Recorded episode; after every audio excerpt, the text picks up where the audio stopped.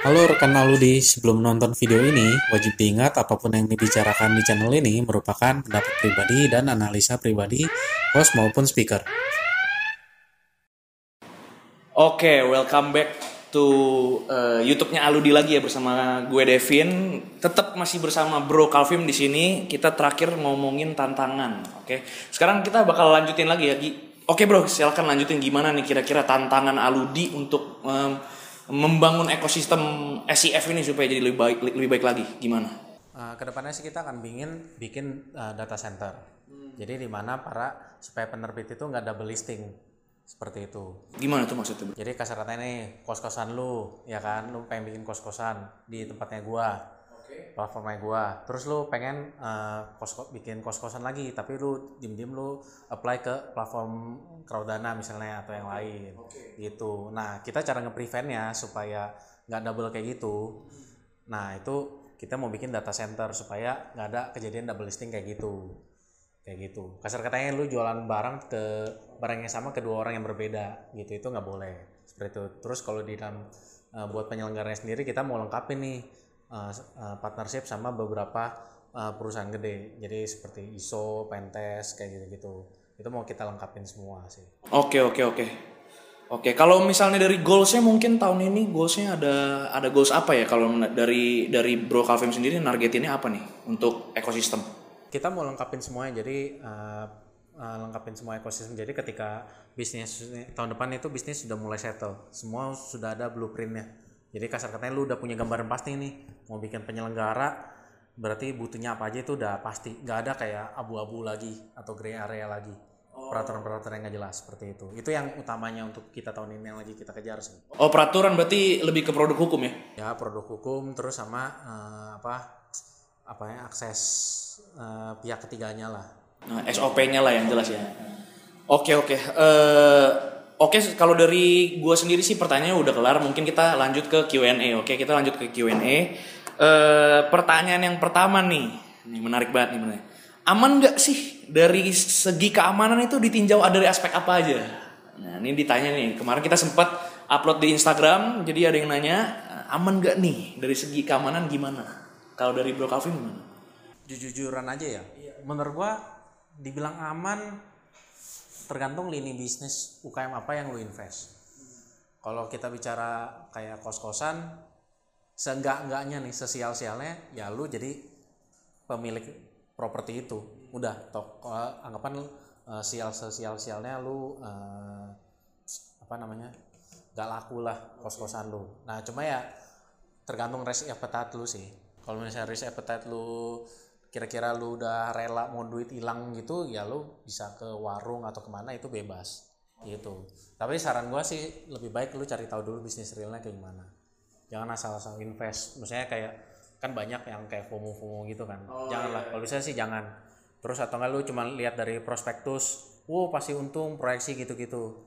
Proyeksi misalnya proyeksi keuntungan tahun depan 20% 30% ya namanya proyeksi ya bisa aja salah kan. Iya. In the future ya namanya juga forecasting bisa meleset ya. Menurut gua ya namanya juga forecast ya ramal ya. Ya okay. jangan maksudnya jangan mengharapkan itu hal yang pasti gitu loh. Kebanyakan kan suka banyak salah paham soal itu kan. Ya gua sih maksudnya jangan kalau bisa jangan lah. Namanya forecast gitu. Oke, kesimpulannya pesannya jangan FOMO ya teman-teman, jangan FOMO, uh, due diligence yang benar, oke, okay? uh, langsung riset aja. Uh, itu kesimpulan dari Bro Calvin, oke? Okay? Lanjut kita bakal tanya pertanyaan kedua, bedanya sama peer to peer apa, Bro? Kalau peer to peer kan itu pinjaman. Kalau di sini kita ada uh, equity, terus ada suku, ada obligasi, kayak gitu sih. Bedanya itu. Bedanya saham sih lebih yang bedanya. Dan uh, untuk listingnya kan lu lebih bebas jadi UKM ya. Enaknya mau gimana? Oh, berarti lebih ke megang ekuitas berarti ya? Ya. Oke. Oke. Pertanyaan selanjutnya asetnya liquid gak min? Nah gimana nih? Apakah ini salah satu tantangan juga dari Arudi gimana? Liquid atau enggak? Liquid lah. Tapi ya balik lagi itu kan uh, tergolong uh, supply and demand kan. Hmm. kalau supply lu banyak yang demen bisnis kos-kosan ini ya jadinya banyak yang menarik oh. banyak yang mau beli ya? Balik lagi ke situ lah.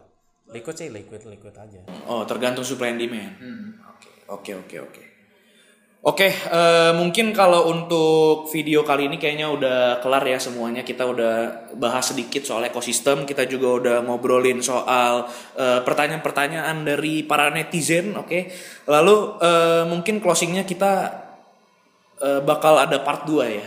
Part 2-nya lebih ke tutor- tutorial gimana caranya jadi investor, betul? Boleh, boleh. Mungkin nanti ke depannya kita bikinnya aja eh, per penyelenggara aja sih. Jadi supaya eh, kebayang juga nih.